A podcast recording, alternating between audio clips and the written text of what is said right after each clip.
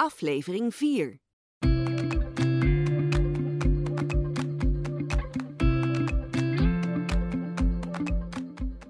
Dit is een podcast van Advocaten, Familie en Erfrecht met Inge Diepman en Joost Dix.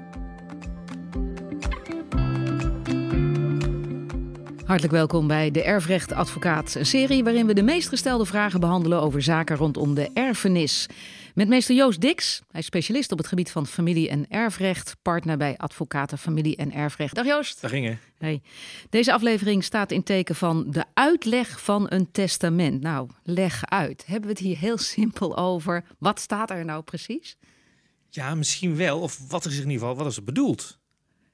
Het is, het is een juridische term. De uitleg van de het testament. uitleg van het testament is, uh, is een juridische term. Ja. Gaan we het over hebben in deze podcast? Nou, elke aflevering van deze podcast beginnen we met uh, de meest gestelde vraag. Wat is de meest gestelde vraag over de uitleg van een testament? Nou, ik denk dat de meest gestelde vraag is hè, dat uh, ons voorgelegd wordt van... goh, hè, de, de erflater, hè, degene die het testament gemaakt heeft... heeft dit helemaal niet zo bedoeld als nu door anderen wordt uitgelegd. Maar ja, hoe ga ik dat aantonen? Krijgen we een antwoord op in deze podcast.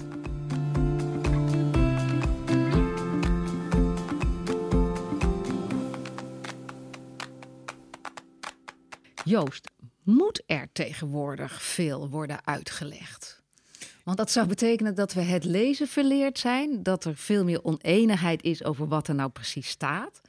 Ja, je zou je ook kunnen afvragen of uh, de notaris misschien het schrijven verleerd is. Nee, dat is, dat is een heel flauwe, flauwe opmerking van mij. Nou ja, um, het is eigenlijk wel de spijker op zijn kop. Hè. We zijn tegenwoordig testamenten heel veel aan het uitleggen.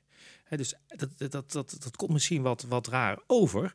Uh, maar dat, uh, dat is toch tegenwoordig uh, wel zo.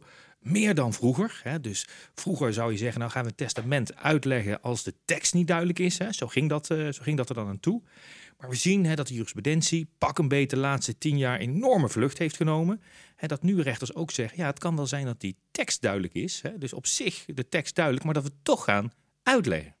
Maar heeft dat dan te maken met dat we meer bezig zijn met het interpreteren van de tekst? Ja, zo zou je dat kunnen zeggen. Dus, dus, dus, maar dat we beter gaan kijken, wat heeft die erflater, diegene die dat testament gemaakt heeft, wat heeft hij nou bedoeld? Maar misschien zoeken we dan spijkers op laag water. Ja, dat kan. Hè, dat kan. En we moeten ook uh, ons wel realiseren dat heel veel testamenten ook gewoon duidelijk zijn. Hè. Ook als je daar andere omstandigheden bij gaat betrekken, dat ze, dat ze duidelijk zijn. Helemaal eens. Hè. Maar toch is het vaak zo dat uh, uh, als een tekst niet duidelijk is, hè, dus dat, dat je je af moet vragen, wat staat daar nou eigenlijk? Hè? Dus dat we taalkundig niet kunnen zien bijvoorbeeld wie de erfgenamen zijn.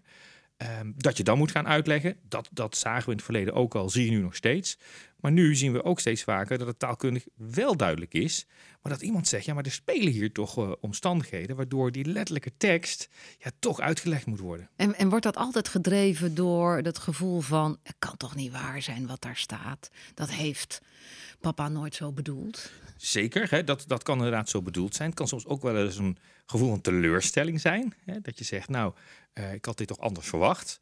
Uh, of uh, inderdaad, als, als iemand alle omstandigheden samenneemt, denkt, ja, maar dit, dit, kan, niet, uh, dit kan niet kloppen. Nee, en dan, en dan moet je dus bewijzen, want dat is de meest gestelde vraag blijkbaar, de bewijzen dat, dat het dus anders is dan het voor het oog op papier staat. Kan ja, dat? Ja, nou eigenlijk moet je, moet je het zo voor je zien. Hè, wij krijgen dan iemand op kantoor en die zegt, goh, dit is niet eerlijk, hè, misschien wel. Of dit, dit kan niet kloppen. Of dit is nooit de bedoeling geweest. Ja, of ik lees het anders dan mijn broer. Ja, dat kan ook nog. Hè?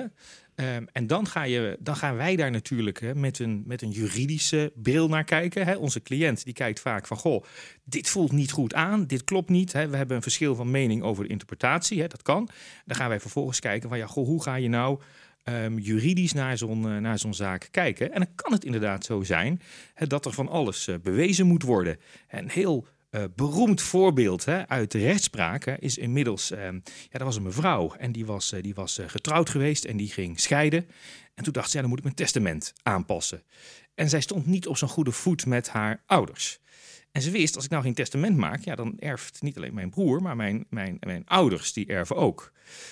ze wilde niet, die broer niet per se laten erven, maar ze wilde in ieder geval voorkomen dat die ouders niet zouden erven. Dus zij schreef in haar testament op, mijn enige erfgenaam is mijn broer.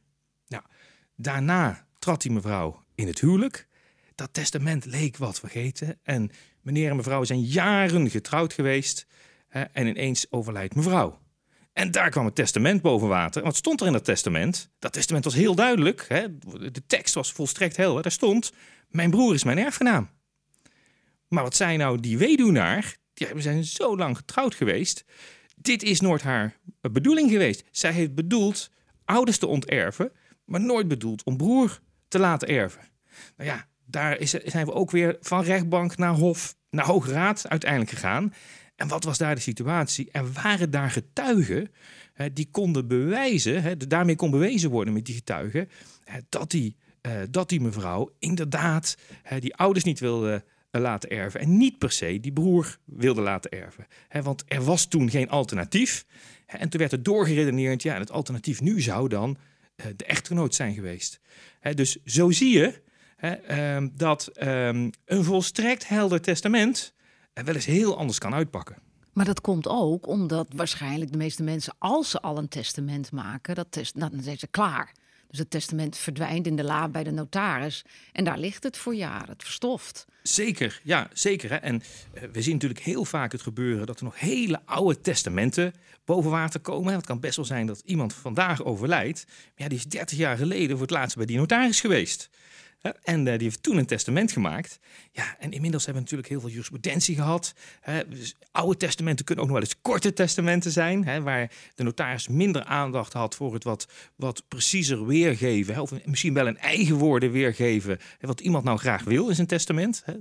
Um, uh, dus dat, dat klopt. Dus, dus oude testamenten kunnen daarna nog wat feiten en omstandigheden zijn, uh, zijn geweest.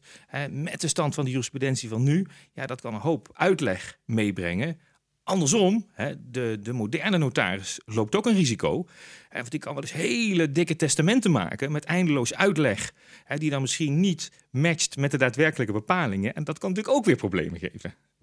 Wat voor problemen dan? Want, want dat geef je dus heel duidelijk aan dat zeg maar in, in de oude tijd, ik weet niet wat dan oud is, um, maar dat, dat, dat toen testamenten waarschijnlijk wat meer zakelijk waren en korter. En dat nu de notaris zegt, ik schrijf er nog een heel stuk bij. Ja. Misschien zelfs niet opgenomen in, uh, in het testament, maar als een soort begeleidend schrijven ja, van wat er allemaal speelt. Ja, inderdaad, een considerans in het testament. Dus daar kan de notaris dan opschrijven in het testament, goh, dit, dit zijn eigenlijk de wensen die mij uh, zo zijn voorgelegd.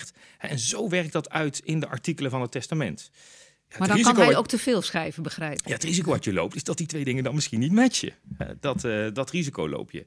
Maar over het algemeen zie je dat notarissen, gezien de stand van de jurisprudentie, hier beter mee bezig zijn. En wat voor de erfrechtadvocaat het natuurlijk moeilijk maakt. Want als ik deze casus nou, eh, laten we zeggen, 15 jaar geleden uh, had besproken, dan had iedereen misschien wel gezegd: Nou, luister, het testament is duidelijk. We komen helemaal niet aan uitleg toe. Uitleg, daar kom je pas als iets onduidelijk is. Ik denk dat heel veel mensen ingeschat hadden dat deze casus anders was uitgepakt. En mijn veronderstelling is, onder, of mijn, eh, mijn visie daarop is, ook onder de huidige jurisprudentie had het maar zo kunnen zijn dat het dubbeltje de andere kant op was gevallen. als die getuigenverklaringen net iets anders waren geweest. dus voor de erfrechtadvocaat is dan van belang hoe maar, maar, maar moeten jullie dan sluitend bewijs vinden? Ja, kijk, het is zo dat. De... moet je aan, want dat is toch heel erg moeilijk. Interpreteren is interpreteren. Dus daar, komen, daar komt veel meer bij kijken dan alleen maar 1 plus 1 is 2. Dus, Zeker. Eh, je hebt in het recht natuurlijk waarheidsvinding. Hoe, hoe, hoe, hoe, doe je hier aan waarheidsvinding? Nou ja, kijk, het is zo dat um, uh, de, de strafrechter, hè, die kijkt echt naar de waarheid. Hè, wat is de waarheid? Maar die civiele rechter, hè, dus de, tussen burgers onderling, ja, die kijkt meer vaak van, ja, goh, wie moet wat bewijzen en lukt dat of niet? Hè? Dus die kijkt wat minder naar de waarheid. Hè, dus als partij het ergens over eens zijn, dan zal de rechter dat over het algemeen al als waarheid aannemen. Dat, eh, dat doet de strafrechter niet. Nee, maar het klopt. Het is ook niet altijd zo hè, dat in een uitleg, um, een uitlegsituatie er van alles uh, bewezen moet worden met getuigen en zo. Dat, is, dat is lang niet, niet altijd zo. Het kan ook zijn dat een advocaat er een heel technisch verhaal van maakt waarom het toen dat testament gemaakt was wel zo uitgelegd moest worden. maar soms, en dit, dit, dit beroemde voorbeeld ja, daar kwam het echt op, op getuigen aan. Heb je nog meer voorbeelden? die dit illustreren? Of waar, waar je heel vaak mee in aanraking komt? Wat nou veel vaak op je bordje ligt. Ja, kijk, vaak uh, zie je het bij, bij mensen die zelf geen kinderen hebben. en dan bepaalde staken uit de familie willen laten erven. En dat het dan bijvoorbeeld niet duidelijk is of het dan weer door vererft naar de volgende generatie. Oh, of als, als groep erven. Hè, dus soms is het dan niet eens duidelijk uit de tekst wie zijn de erfgenamen. En dan is dat ook weer puzzelen. Ja, is dat dan niet ergens de verantwoordelijkheid van de notaris? Dat, dat hij zegt, ja, dit moeten we toch nog weer genuanceerder opschrijven? Zeker, hè? Dus het kan best wel zijn dat ook bij de uitleg van het testament de notaris om de hoek komt kijken. Hè. Die, die kan ook zeggen, zo is het bedoeld. Uh, maar het is natuurlijk zeker hè, bij het maken van het testament de verantwoordelijkheid van, uh, van de notaris. Maar ja, ook daar worden wel eens fouten gemaakt. Hè. Er wordt wel eens per ongeluk iets opgeschreven in een testament, wat niet per se de bedoeling is. Hè, dan zie je wel eens dat bijvoorbeeld het kopje van de tekst uh, helemaal niet correspondeert met de inhoud van de tekst. Hè. Dat soort dingen zie je wel eens uh, gebeuren. En wat is dan eigenlijk bedoeld? Hè? Is, moet dan nou begint het spel. Daar begint het spel. En het is aan de erfrechtadvocaat om dan te puzzelen en te denken van, goh, uh, hoe kun je zo'n kwestie nou ja, ten voordele van je cliënt uit laten pakken? En soms is het inderdaad dan wijs om uh, met alle betrokkenen aan tafel te gaan om te kijken, kunnen we dit op een of andere manier regelen? Ja, lukt dat niet, hè, dan zal uiteindelijk de rechter moeten gaan bepalen uh, hoe dat testament uitgelegd uh, moet worden. Je zei zo net nog iets wat me bij bleef hangen, namelijk dat je uh, oude testamenten hebt, maar ja, jurisprudentie scheidt voort. Ja. en dat dat van invloed is. Dus dat je daardoor ineens het testament anders moet lezen dan misschien dat het bedoeld is. Ja, kijk, de notaris die die zeg maar 30 jaar geleden die testamenten aan het maken was, die is er misschien helemaal niet van uitgegaan hè, dat je van alles zou moeten gaan uitleggen. dus als diezelfde notaris vandaag dat testament zou moeten maken, zou die het misschien wel anders opschrijven. En die jurisprudentie, op welke manier heeft hij daar dan... Kun je een voorbeeld noemen, hoe die nou daar invloed op heeft? Het, het, voorbeeld wat ik net, net noemde, hè, dus echt het, echt het meest treffende voorbeeld... Hè, van die situatie waarin staat... mijn broer is erfgenaam, waarvan de rechter zegt... nee, het moet de echtgenoot zijn. Ja, daar zal die notaris van 20, 30 jaar geleden nooit aan gedacht hebben. dus, dus zelfs als iets textueel duidelijk is, kunnen we in uitleg terechtkomen. Hoe lopen de meeste zaken af?